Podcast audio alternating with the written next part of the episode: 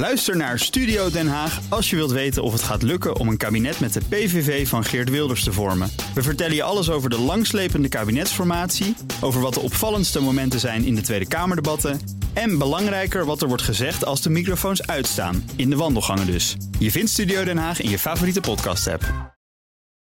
De Nationale Autoshow wordt mede mogelijk gemaakt door Leaseplan. Leaseplan. What's next? Heb jij de BNR-app al? Met breaking news in de podcast De Koude Crypto-oorlog. Download de app en blijf scherp. BNR Nieuwsradio. De Nationale Autoshow.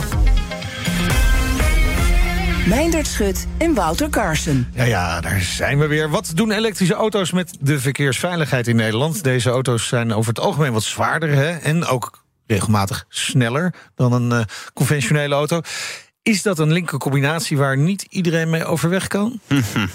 ja. De vraag stellen. Is, is het antwoord al een beetje weten? Ja. En we gaan het hebben over gevalletje Succession. Geweldige serie op HBO. Plug hem gewoon even. uh, maar bij een Nederlandse autodealer. Hopelijk hebben ze iets minder gedoe uh, dan in die serie. Want dat is redelijk bizar. Maar het is nee, een mooi uh, verhaal over een familiebedrijf dat van vader op zoon overgaat. Ja, en verder een test in de Hyundai Ioniq 6. Ja. Maar eerst even het autonieuws. Ja. Wouter. Ja. Mercedes-Benz. Zullen we daarmee beginnen? De, Ja. de Vision 111. Ja. Ja, ja, of een soort opvolger van de, de beroemde C111. Ja, hè? jaren Eh, 60, jaren 70. ja, hè? Met de, de ja. Gullwing eh, Ja, vle- ja, vleugeldeuren. Schitterend. Ja, deze heeft ook weer vleugeldeuren. Overigens bij Xpeng kan je hem ook gewoon vleugeldeuren bestellen op je auto. Op de Wing Edition. Die kun je gewoon eh Ja, dan heb je maar, aftermarket in laten Nee, plakken. nee, nee, dat is Oh. een editie en die heeft van alle luxe en bijzondere vinden. kleur. En eh, ja, nee, vleugeldeuren kan je zeker aftermarket. Nee, nee, zeker, zeker, zeker. Leuk op een en hij heeft, eh, Volvo V70. Denk ik dat dat... eh, mm, Ja, dat zou kunnen. en hij heeft natuurlijk de axiale fluxmotor. ja, mooi hè? Ja, Ja. Nou, dat is gewoon een elektromotor. Het is Nou, die gewoon... Nee, hij is, eh, ja, Hij is compacter, hij is krachtiger.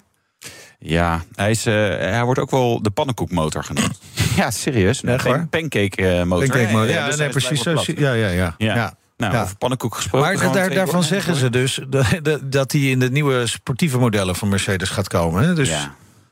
Ja, want wat ze nu hebben is echt zo lullig. Ja. Al die elektro-dingen. Zo'n 53 AMG met maar 750 pk, ja. ja.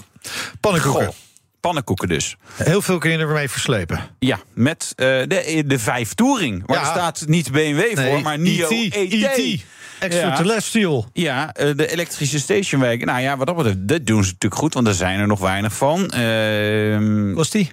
Ja, ruim 51.000 euro. Maar moet je het accupakketten nog eh, bij leasen. Abonneren. eh, Abonnementje. Ja, ik vind dat 81 zo- euro per maand, hè, ja, hoorde ik. Zo vernieuwend dat Renault dit ook al een keer heeft gedaan. En overigens, NIO is gewoon het Chinese Renault. Hè? Want ze doen ook accu wisselen. Dat deed Ja. Renault met de Fluence natuurlijk ook. Enorm, echt enorm Ja. succes. Ja, ja. op Schiphol. Dat is, zou het nog actief zijn? Ja. Ik geloof het niet. Is er maar Nee. Nee, ik heb nog met die Fluence gereden. Dat eh, was ook niet de allerbeste auto trouwens. Eh, nee, dat is, dus ze hebben hem ook een benzinemotor geleverd. Dat was echt zo'n auto die dan, dan zeg maar Oost-Europa, Midden-Oosten, precies. Afrika een beetje, weet je, zeg maar goedko- een, een nog goedkopere, een nog goedkoper, dat is onaardig, een goedkopere Renault, maar geen Dacia. nee. Ja, Volkswagen dan. Zullen Ja. we daar naartoe gaan?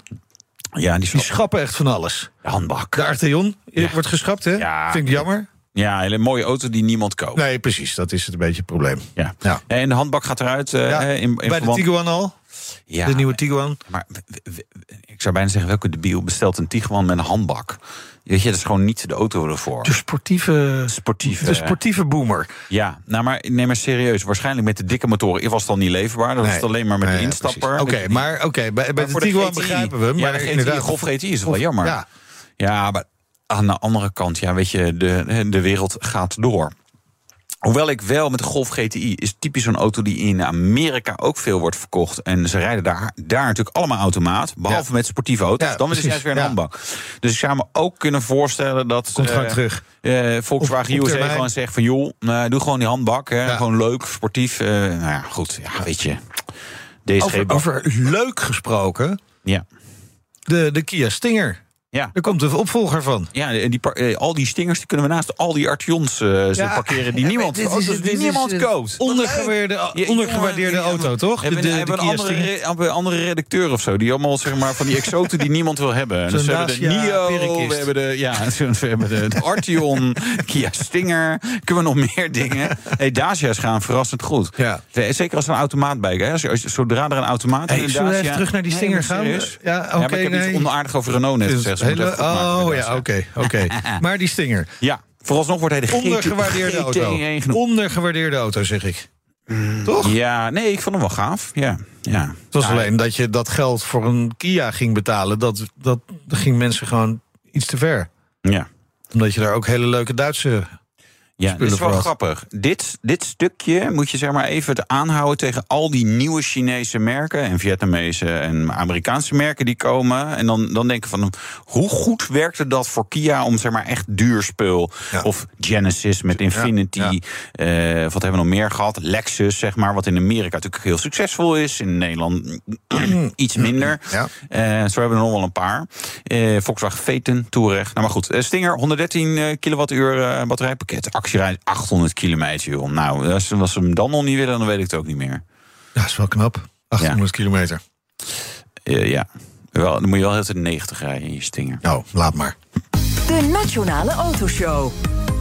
Maar we gaan het wel over elektrische auto's hebben. En dan met name het effect van deze auto's op de verkeersveiligheid. Want daar is wel het een en ander over te zeggen. Arno Onink is hier van onderzoeksbureau Trend RX. Of Trend RX.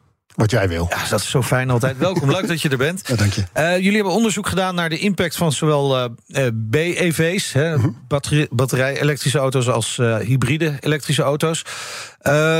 En jullie geven eigenlijk drie dingen aan in dat rapport. Aantal elektrische auto's neemt toe. Nou, niet verrassend, hè? niet verrassend, maar misschien begint het ook wel weer af te vlakken. Eh, de auto's zijn zwaarder, is ook niet echt verrassend. Hè, want al die accupakketten zitten erin. Ze accelereren, accelereren sneller. Klopt. Nou, en dat terwijl wij in een van de dichtstbevolkte landen ter wereld wonen, dat is misschien wel vragen om Wat problemen. could possibly go wrong? Ja, Wat could possibly go wrong? Eigenlijk Ja. alles. En, en, en dat er wel ook steeds meer mensen op zo'n elektrische fiets eh, rijden. Dus Ja, het is, kunnen we ook al niet meer het- inschatten. Het is een slechte samenloop van omstandigheden eigenlijk. Het, eh, de elektrificatie van het Nederlandse wagenpark en ook van het fietspark. ja. Ja. Nou ja, kijk, voor onze pensioenbijdrage en de overbevolking is het een goed idee. Hoezo? Ja, we leven toch veel langer als we al die frisse lucht inademen? Eh, ja, maar, ja. maar je, je rijdt je statistisch gezien weer sneller kapot op je elektrische fiets. maar dan is het wel snel klaar. Nee, wij- het, het is een probleem. Eh, die auto's zelf hebben een aantal karakteristieken... die niet eh, nou, bevorderend zijn voor de verkeersveiligheid. Je noemde zelf al hele snelle acceleraties. Ze zijn ongelooflijk zwaar. Wat nog wel eens vergeten wordt, dat ze ook heel breed zijn. Eh, ze zijn zomaar een centimeter of zes, nou, een procent of zes. Ja. Zijn we breder, dus 10 tot 12 centimeter. Ja. Dus je pakt toch even net iets makkelijker, zeker op de gracht hier in Amsterdam, iemand mee. Ja. Ja. Dus Ehm, even zo'n fietsetje de gracht in duwt. dat, dat gaat heel snel. En Maar dan eh, doen ze het heel. GroenLinks gestemd. Dus dan hebben ze dat verdiend. En dat doen ze het ook heel slecht in stedelijke omgevingen. Nou, Ja. Dat is natuurlijk vervelend in Nederland, want Ja. we hebben nogal veel stedelijke omgeving. Ja, met Die combinatie zorgt er eigenlijk voor dat, het, eh, dat er veel meer schades plaatsvinden. Ja, de verzekeringswereld noemt dat de schadefrequentie. Hoeveel claims worden er ingediend? Die gaan enorm omhoog. En als er dan een claim wordt ingediend, dan zijn de schades ook veel duurder. Ja. Veel, veel kostbaarder. En dan gaat zowel de herstelschade als de letselschade. En met Ja. name dat tweede is natuurlijk wel heel vervelend. Ja. Ja, we maken er wat geintjes over. Maar dat, dat, dat is natuurlijk wel een serieus issue. En je zegt 6, 7 procent breder. Je denkt, ja, oké, 12 centimeter. Weet je wel. Maar je- Dat moet toch goed gaan. Alleen, het, ik denk, ik denk, dit is eigenlijk de wet van de grote getallen. Hè? Dus dat je, dat je eh, de- de- alles helpt eraan mee dat het allemaal net even iets minder veilig wordt. Moet je het zo Eh, zien? Ja, eigenlijk wel. Er zijn, er zijn een aantal dingen aan BEV wat niet heel specifiek is voor elektrisch rijden. Nee. En we zien natuurlijk het hele wagenpark zien we in Nederland gewoon breder worden. Ja. En groter, en zwaarder. En het trekt allemaal wat sneller op. Maar het versterkt het, eh, alles, alle dingen wel. Ja. Eh, en met name het gewicht is echt krankzinnig. We- al jaren groeit het gewicht van, het, eh, van de gemiddelde auto in Nederland. Maar een elektrische auto is nog altijd zo'n 600 kilo zwaarder dan, een, eh, dan een benzineauto. Ja. Nou, en, en Belgische eh VIAS, dat is eigenlijk Verkeersveiligheid België, Ja. die hebben onderzoek gedaan. naar, Nou, wat, is, hoe, wat is nou de impact van gewicht eh, op potentiële dodelijke verwondingen van zwakke verkeersdeelnemers? Dan hebben we het over voetgangers. Eh, voetgangers, fietsers en motorrijders worden er ook weer opgeteld, maar dat zijn er uiteindelijk niet zo bar veel. Nee. En dan blijkt dat bij een auto die 575 kilo zwaarder is, dat je 50% meer kans hebt op dodelijke verwondingen. Zo. Nou, ik zei net 600, 50%. 50 procent. Ja, ik was ook echt wel redelijk gechoqueerd. Oh. Ja, En dus hoe, hoe komt dat? Want is, is dat gewoon puur remweg langer? Of wat, hoe, eh, Nou, het is vooral gewicht. Ja. Ja. De impact is veel groter. De impact is gewoon veel groter. We hebben eer, wat eerder zo'n onderzoek gedaan en toen zei iemand... ja, maar maakt het nou heel veel uit of je door een auto van 2000 kilo... of 2300 kilo wordt aangereden? Je bent geneigd te zeggen, dat valt mee. Maar als ik mag kiezen, ga ik voor die auto van 2000 kilo... in plaats van 2300. ja, Ja. Eh, en ja. hier praten we over nog hele veel grotere verschillen. Nou, dan Ja. zie je dat in die hoge segmenten... Dat, eh, nou ja, eh, dan gaat het om, om 2000 versus 2600 kilo... maar die lage segmenten, de Fiatjes... de Fiat 500 om maar wat te noemen... Ja. eh, dan praat je over een verschil van 950 tegen 1350 kilo. Ja, dat soort auto's hebben veel. En daar zit een enorm procentueel verschil in, in gewicht. Dat heeft een enorme impact. En, en dat in combinatie met dus die acceleratie die Klopt. een stuk hoger ligt. Je hebt daar, nou, we hebben even gekeken naar een aantal nou ja, zeer zeg maar, eh, hoe heet het? Populaire modellen. Ja. En dan zie je dat zo'n elektrische auto van 0 tot 100 in pakweg nou, 20% sneller gaat. Ja. En dat wordt vooral bereikt in de eerste meters.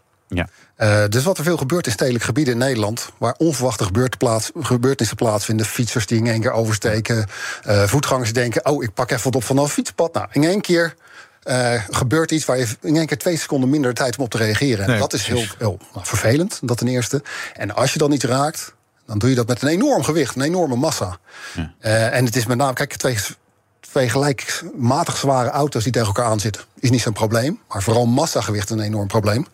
En hoe groter het verschil in massa, hoe groter de schade ook is. Een beetje elementaire natuurkunde. Ja. En eh, ja, dan, dan tikt het wel heel erg aan, die 600 kilo extra. Ja, en het is natuurlijk wel extra lastig dat die eerste meters meestal daar gemaakt worden waar die zwakkere verkeersdeelnemers zijn. Nou, je ziet het echt heel veel in de grote steden. hè. Mensen die even snel nog door het rode stoplicht fietsen.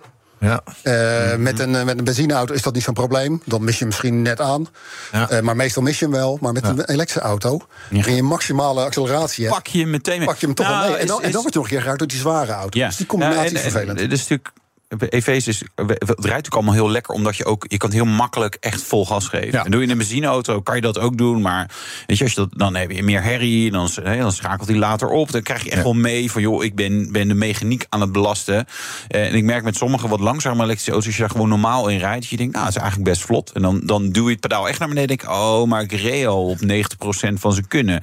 Eh, dus de, het, het gaat zeker dus sneller inderdaad. Dan kan je zeggen, ja, oké, een Tesla in 5 seconden naar de 100, maar ook het verschil tussen, weet je, als je, nou ja, we hadden het net over handgeschakelde auto, een handgeschakelde Golf GTI versus een, de langzaamste Tesla Model Y, die of waarschijnlijk al sneller is. Maar het verschil is zeg maar in Ja, de praktijk mega. nog veel groter, omdat je, je doet geen clutchdunk en met rokende banden weg om zeg maar die sprinttijd te halen van de Golf GTI. En die Tesla Model Y, ja, je doet gewoon vol gas en dan, dan Ja. haalt hij die, die 5 seconden. Met twee Ja, vingers wat, in de wat neus. wel vaak opvalt als je praat met mensen die elektrisch rijden... ze altijd, ja, het is toch heel prettig. Hè? De meeste mensen die elektrisch rijden vinden het prettig. ja. Maar ze zeggen ook heel veel snel erbij dan... ja, en voor het weet rij je 160. Ja. Ja. En dat heb je ook in een elektrische auto. Je merkt dat wel heel erg aan je batterijen. Ja, ja, die precies. Ze komen er wel snel van terug, Maar, denk eh, ik. eh. Maar je, je merkt gewoon dat mensen dan Ja. eigenlijk zonder het door te hebben...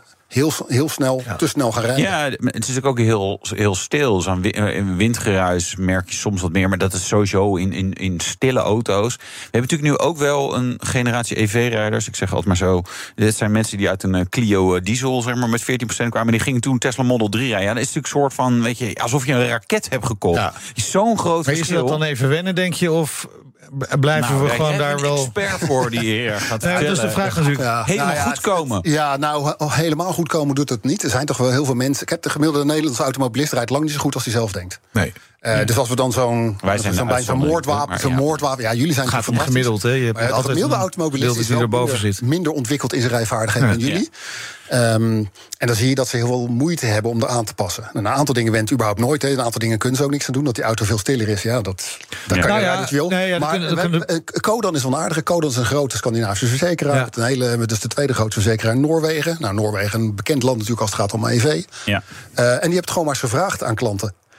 Hoe lang dachten jullie nu dat het duurde dat je was aangepast Ja, ja. Aan, dat, aan dat andere rijstijl eh, of andere ka- rijkarakteristieken? En die mensen gaven aan acht maanden. Ja. We weten allemaal in dit soort onderzoeken dat mensen toch altijd wat optimistischer naar zichzelf kijken dan hè, wel gerechtvaardigd is.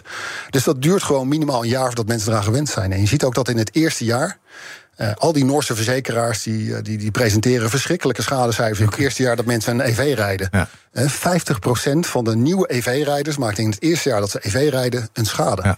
En dat hoeft niet per se. Nee, precies. dat, moet niet Dat per se is toch bizar? dat, dat iemand plat rijden, maar Nee, dat kan nee, ook gewoon nee, even een paaltje mee. Ja. Nee, maar, Dat is toch bizar veel eigenlijk? ja, dat is ook krankzinnig veel. Ja, en dat is ook maar echt problematisch. het- wordt het beter na het eerste jaar? Ja, dat, dat hopen we maar. Nou ja, er is natuurlijk wel wat aan te doen. Hè? Want je, je zegt er is eigenlijk niet zoveel aan te doen. Maar eh, BMW bijvoorbeeld met de i4, daar zit er dus gewoon wel geluid in. waarmee je die snelheidservaring wel in ieder geval in je oren krijgt. Nou ja, wat, wat, er, is- zijn, het er, is is nog een veel fake, makkelijker, maar er is nog een veel wel. makkelijker oplossing.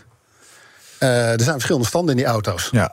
Eh, En bijna standaard wordt die auto gezet op maximaal optrekken. ja. Als we dat nou eens niet meer toestaan, als we dan gewoon zeggen hij moet standaard op een eco-stand, Ja. dat gaat de auto-industrie echt niet leuk vinden. Hè, want het is een hele belangrijke marketingtool voor de auto-industrie om elektrische auto's te verkopen.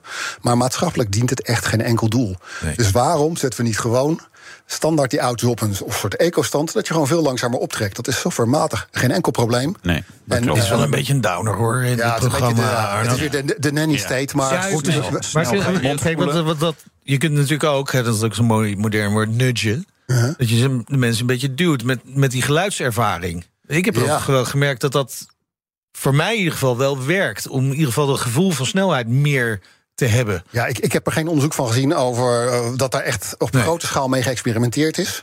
Eh, het dus is het wordt ook een beetje wel anekdotisch, maar ik- ik, ik, ik opwekkend. geloof het wel. Nee, maar het is ook, ik bedoel, kijk, een, een, eh, Ja, kan. met sommige van die geluiden, en de Taycan en een BMW i4, wel een beetje dat je ook denkt, ja, ik zet het, ik zet het overigens echt na, na, na een- binnen een half uur altijd weer uit.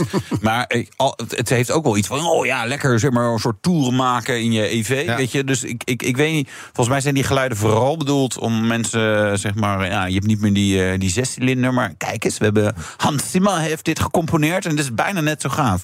Dus Ja. ik, ik vraag me af. Nee, maar- ja, nou ja, ik, het- het- kijk, alle kleine dingen die helpen, ben ik gewoon voorstander Nou, van. wat in ieder geval ongetwijfeld helpt, is als wij waarschuwen voor hogere premies. Ja. Want als je maar die meer er ongelukken hebt, meer schade, dan gaan de premies omhoog. Wat, wat, wat gaat dit voor gevolgen hebben voor, voor bijvoorbeeld die schadeclaims, de, de, de lasten?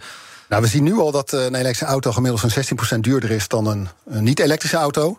Dan praat je over, over op jaarbasis over 200, premies. 200 euro. Nou, dat, ja, oké. Meeste ten opzichte van die, ten opzichte van die auto van 55.000 kan euro dat is wel dat betalen. vrij marginaal. Ja, ja, ja. Maar het is wel een stuk duurder en dat is terecht. Eh, want ze hebben in- sowieso, we gaan ervan uit dat ongeveer 14% meer ongevallen gaan plaatsvinden. Ja. Of de schadefrequentie gaat met 14% omhoog Ja. ten opzichte van benzineauto's. Ja. En, daarvan- vervolgens is het schadeherstel ook nog een keertje een procent of 10 à 11 duurder. Ja. Nou, je zegt van die 200 euro, dat maakt niet zoveel uit. Maar de, de casus, zeg maar, natuurlijk nu voor EV is, ook voor particulieren, is ja, het is goedkoper. Nou, heb ik dat al wel een keer nagerekend. dacht ik, ja, dit is eigenlijk alleen maar de MRB die het daadwerkelijk goedkoper maakt. Eh, toen had ik nog, even uit mijn hoofd, volgens mij verzekeringspremies die wel redelijk gelijk waren. Dat zijn zeg maar twee jaar geleden. Eh, maar dat gaat dus veranderen. Want ja, het nou, is, dat, dat, dat is al anders. ja, Ja. de- ja ik, ik zag het bij sommige auto's. Nou, ik, ik weet van Tesla's, daar was er maar een soort in die Tesla-voorraad. toch al, ah, Waar moeten we nu weer Want dat werd, zeg maar, de een na de andere verzekeraar kwam erachter. Oeh, er zijn toch wel, hè, wordt er wel eens wel iets kapot gereden. En Tesla is niet makkelijk te repareren. Maar als je dat bij elkaar optelt, nou, dan is het, is het financiële plaatje natuurlijk zeg maar, wel even, even anders zeg maar, weer voor de EV. Want dat is weer Ja, iets wat ja. niet eh, positief is. Nee, maar die, die TCO noemen ze dat, hè, de total cost of ownership. Dat klinkt altijd fantastisch. En dan gaan allemaal eh, kamergeleerden die gaan dan uitrekenen dat dat goedkoper is Ja. dan, een, eh, dan een benzineauto. Alleen de kamergeleerden vergeten een beetje dat voor de particulieren, die kopen geen nieuwe auto. Nee. Particulieren die kopen ruim 95% van hun auto's op de tweedehandsmarkt. Ja. Je moet de prijs nemen van een tweedehands auto. Die zijn vaak alleen WA verzekerd. De afschrijving is natuurlijk veel lager. En als je dat nou gaat vergelijken met een nieuwe eh, EV, dan komt er al een heel ander plaatje Ja, uit. ja, Dus zeker. eh, die, die vergelijking is niet reëel. Ja. Eh, Arno, wat ik niet helemaal begrijp, hè, als je dit soort cijfers hoort, dan denk ik dat dan zou toch de verzekeringsbranche gewoon echt enorm aan de noodklok moeten eh, hangen. Gewoon echt denken Noodklok van- moeten luiden. Ja, je. Leert iedere dag weer er een bij, beetje mijn- van Ja. apropos van. Ja, ja, je- Nee, maar Ja, nee, dat begrijp ik wel, Bij andere kijk- zaken, als die premies enorm omhoog gaan, dan, dan hoor je ze wel. En dan ja nou, de premies ze. gaan sowieso behoorlijk omhoog. Want met name het WA-segment is dramatisch. Het goede van deze auto's is dat het over het algemeen zijn nog nieuwe auto's. Ze zitten allemaal in de, het casco-segment. Ja, ja, En ja, het casco-segment is ongelooflijk winstgevend. Ja. Dus daar kunnen ze wel wat pijn lijden. Eh, bovendien, wat natuurlijk wel hierbij speelt... is als je enige vorm van kritiek hebt op elektrisch rijden... Ja, word je precies. meteen neergezet als een, een ta- klimaatontkenner. Het is een taboe. Het ja, het mag eigenlijk niet. Ehm, en het is natuurlijk gewoon een vorm van greenwashing, dat hele elektrisch rijden.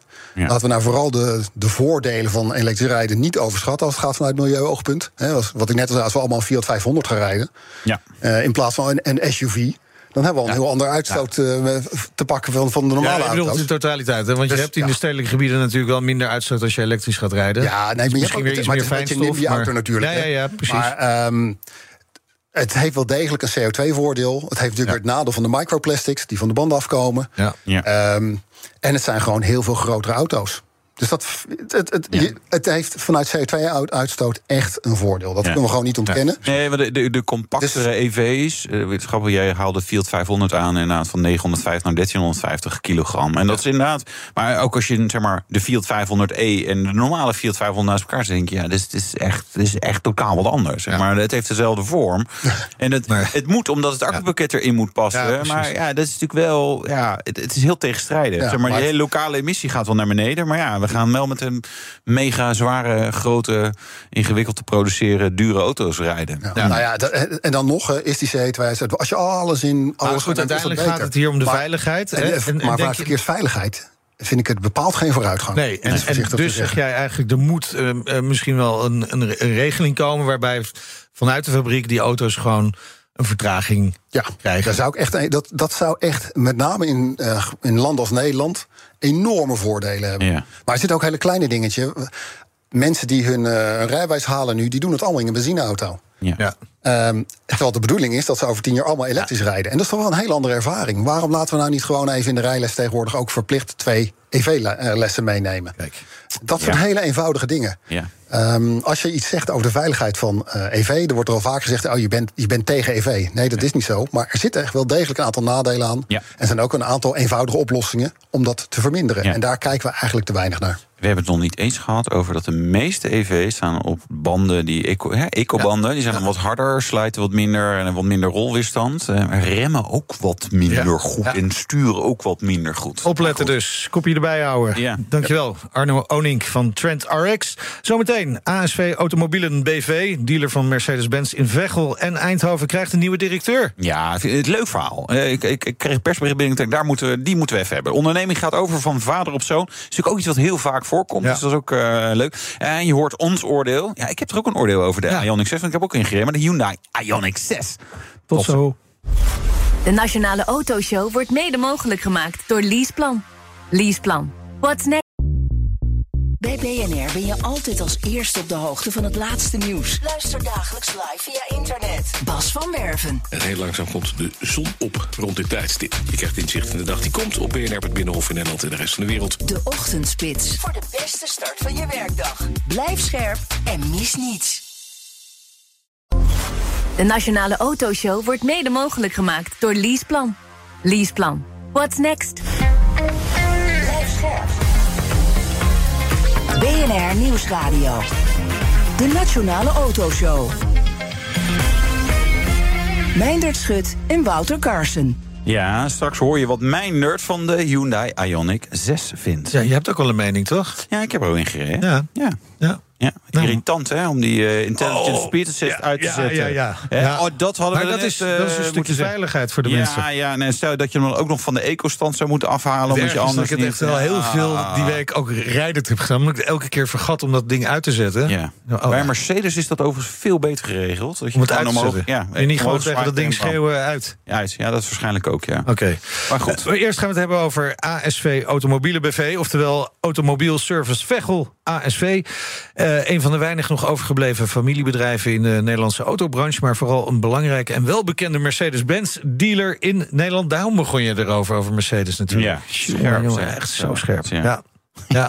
jij, moet, jij moet gewoon een biertje of een Ja. koffie. Weet Ben je iets nu ook één van de scherp? twee. Ja, ik ben heel scherp. Ja, de onderneming werd ruim 40 jaar geleid door Kees Hendricks. Maar het, eh, het stokje wordt nu overgedragen aan zijn eh, zoon Jorg. Beiden zijn hier. Welkom, heren. Leuk dat jullie er zijn. Ja, goedemiddag. Ja, eh, Kees, om bij jou te beginnen. Hoe voelt het om het stokje over te dragen? Je, je kindje aan je andere kindje? Ja, geweldig. Kijk, ik, eh, ik ben natuurlijk eh, ik ben iemand die altijd alles zelf wilde doen. En eh, eigenwijs. Ja. Eh, moeilijk om, om te delegeren in de zin van dat ik het eh los kan laten. mi- micromanager? We hebben een groot merk. We hebben een groot merk. Ja. En ehm, ja, je, op een gegeven moment kom je op een leeftijd. En dan moet je toch eh, gaan nadenken van hoe gaat het verder. Ja. En er gebeurt zoveel in onze branche. En dan is de keuze eigenlijk tweeërlei. Ga ik verkopen? Ja. Ja. Of, of, of, of Nou, ik het, wil ik het houden? In de auto hier naartoe dacht ik, goh, maar heeft, heeft Van Mossel dan niet een leuk bot eh, op de Ja. hut gedaan? Of, of, of desnoods uh, Lauwman, die doen ook wat Mercedes-dealerschappen, ook, ook daar. Dus ja, we we- die zijn niet langsgekomen. Nou, ik, ik, ik denk wel dat ik, eh, dat ik de mogelijkheid heb om een van een collega's te, te vinden die het graag over wil nemen. Ja. En met name dat wij natuurlijk Eindhoven als strategische plaats eh, Ja. een verschrikkelijk mooie dealerbedrijf hebben.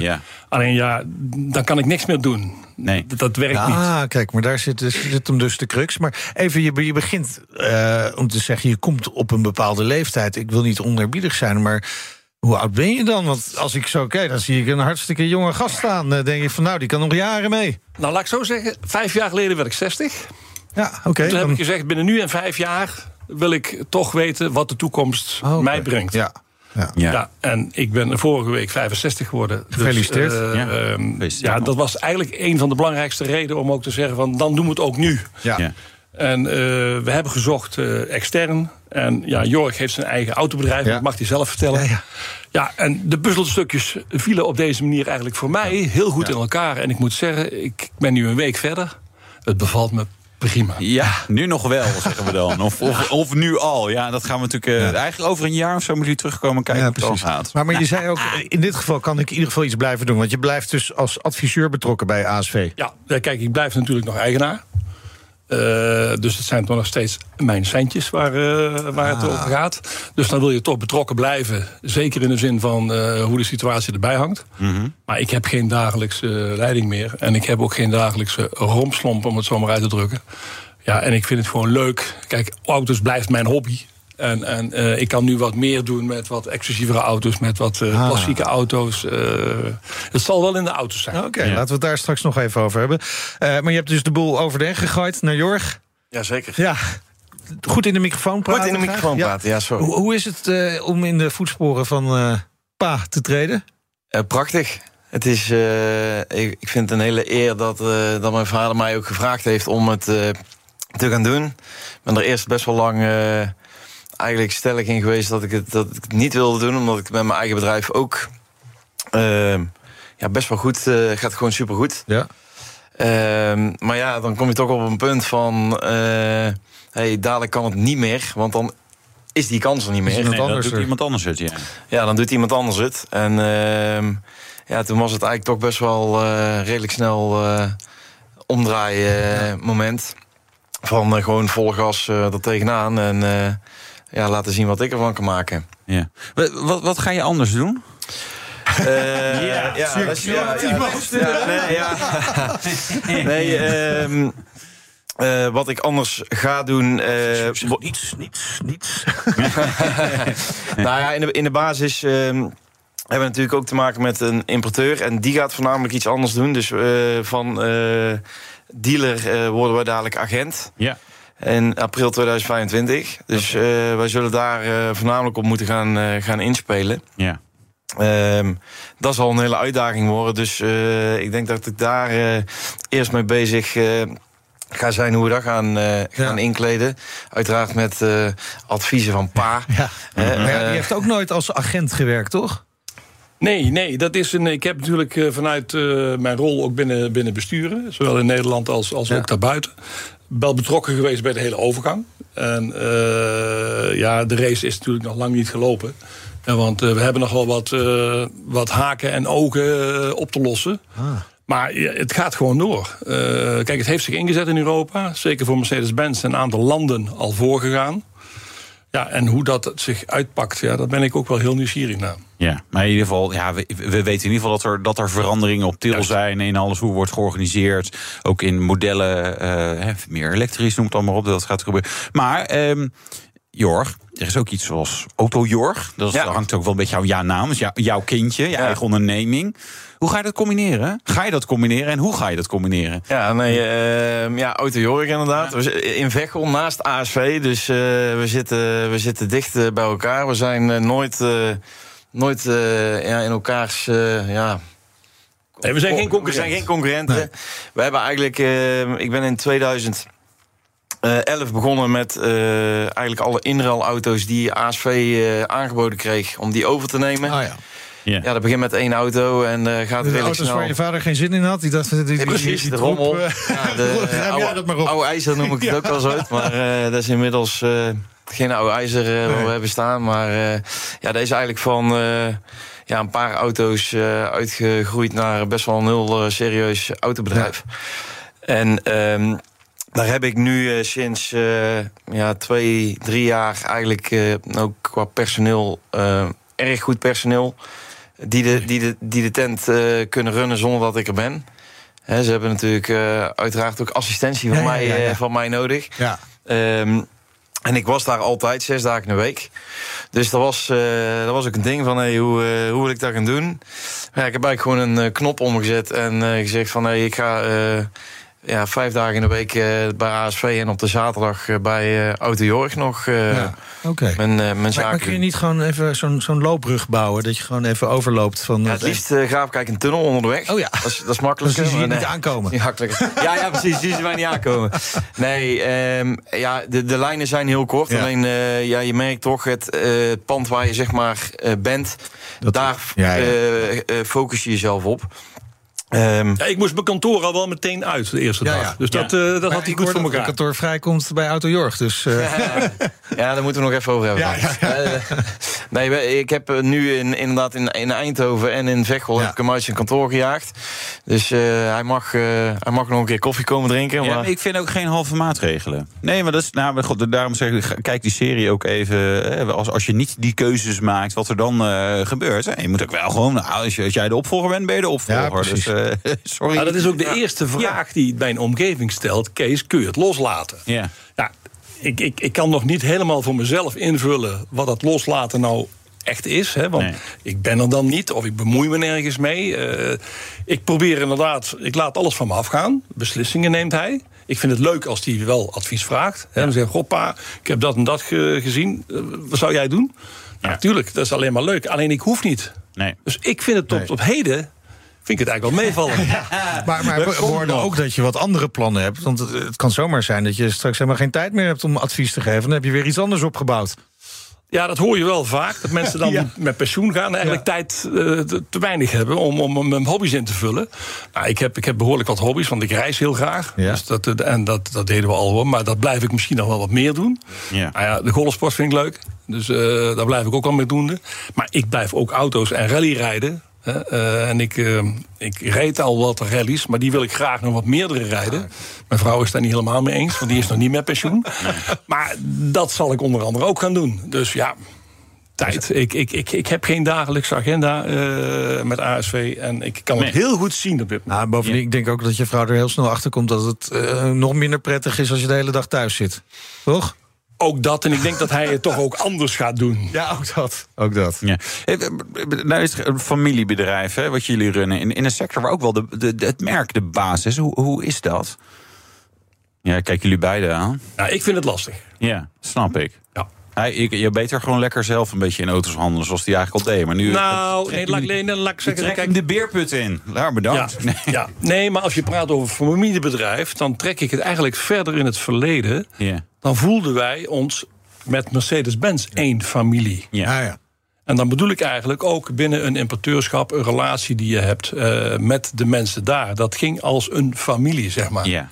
Ja, dat gevoel is natuurlijk toch totaal anders, want de wereld gaat sneller.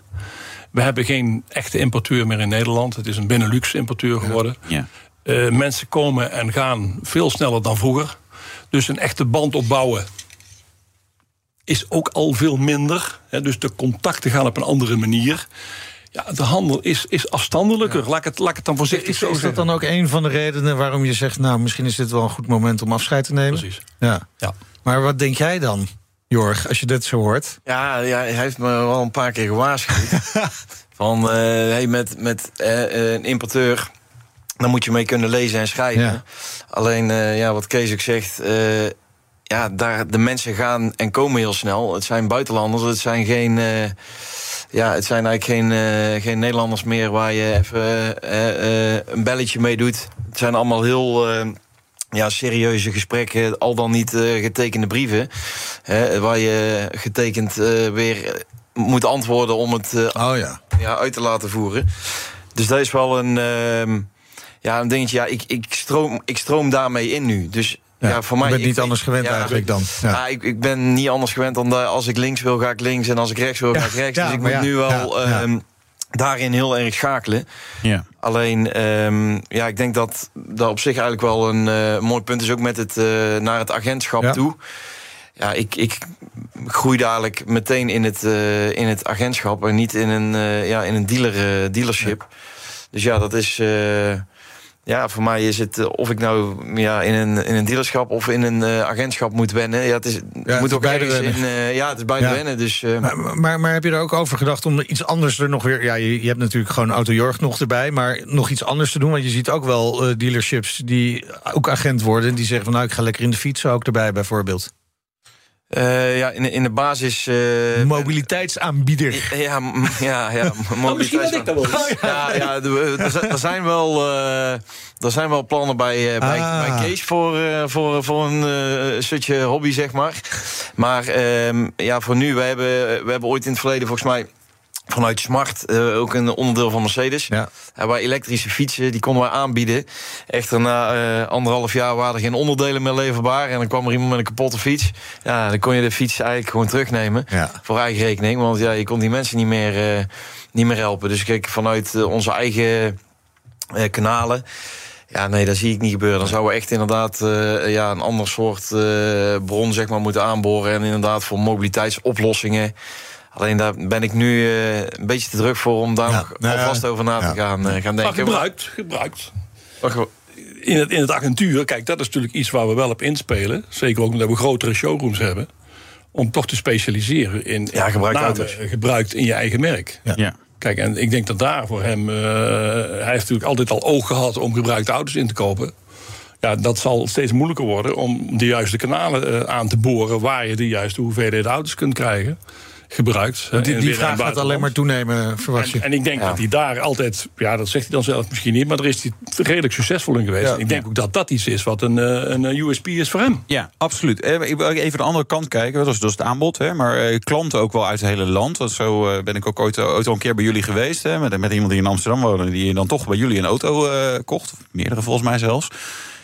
Waarom komen die mensen naar jullie toe, denken jullie?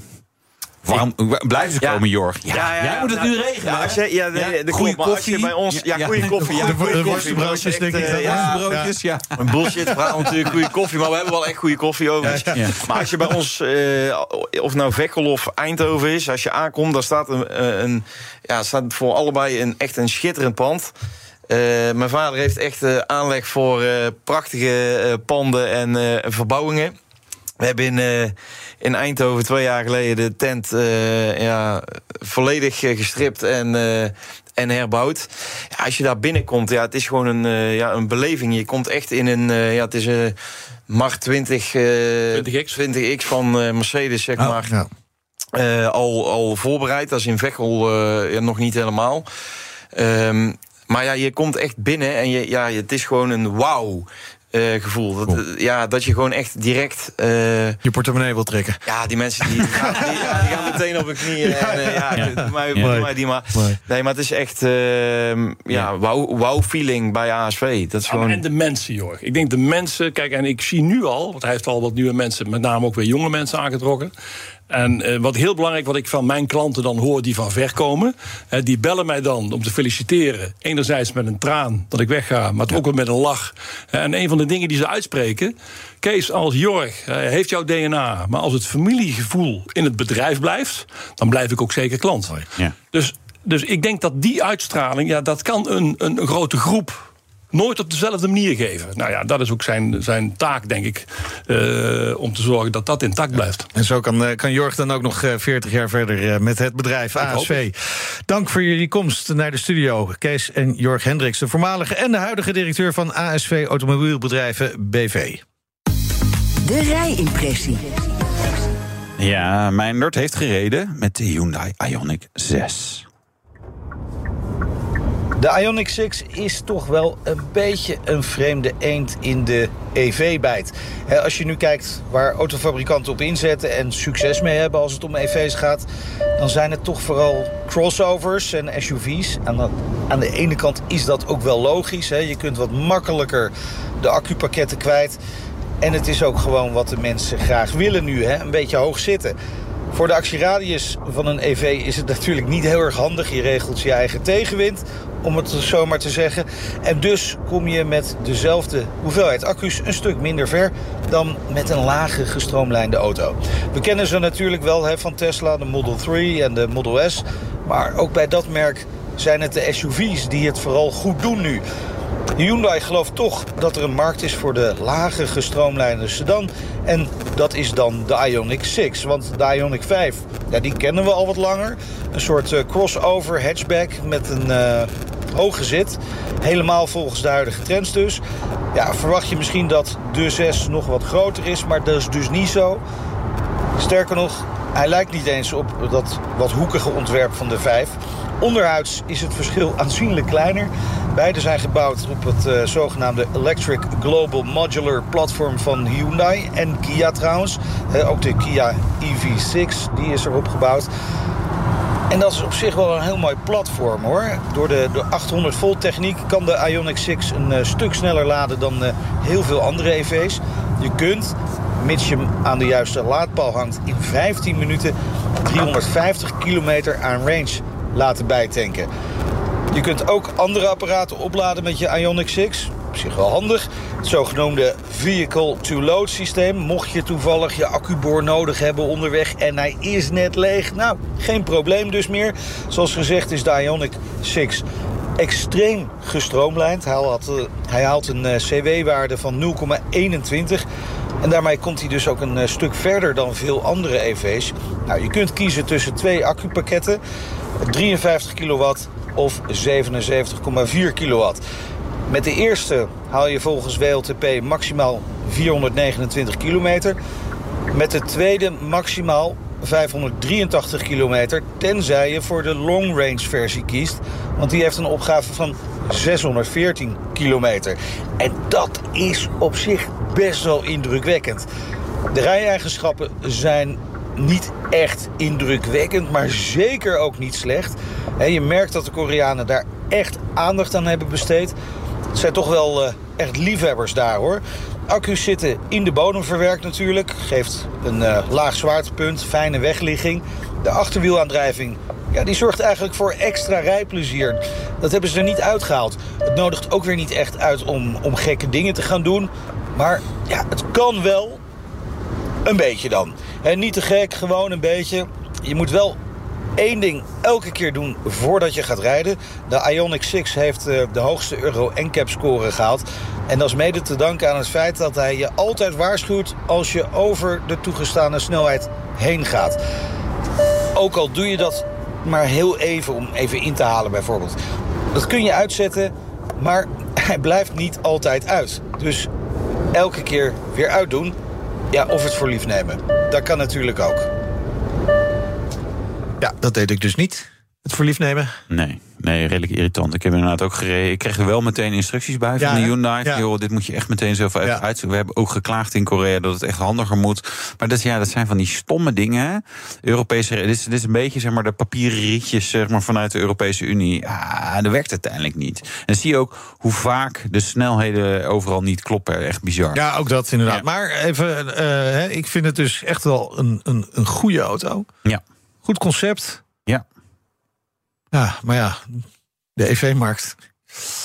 Is weet wel, Ja, ja, dat wordt ja, wel heeft, het, heeft het zwaar. Nee, hij ziet als de voordelen wegvallen dat, dat mensen toch andere keuzes maken. En eh, ja, dat, dat, dat is geen mening, dat, is- dat gebeurt. Eh, en we gaan zien natuurlijk richting het eind van het jaar hoe het eh, er precies ervoor gaat staan. Maar mm, nou, ja, Nou. inter- interessante tijden zeg ik altijd. Denk daar maar eens over na. Ja, tot de volgende autoshow. Dit was hem voor vandaag. De Nationale Autoshow. Terugluisteren kan via onze website, via onze app of een podcastplatform.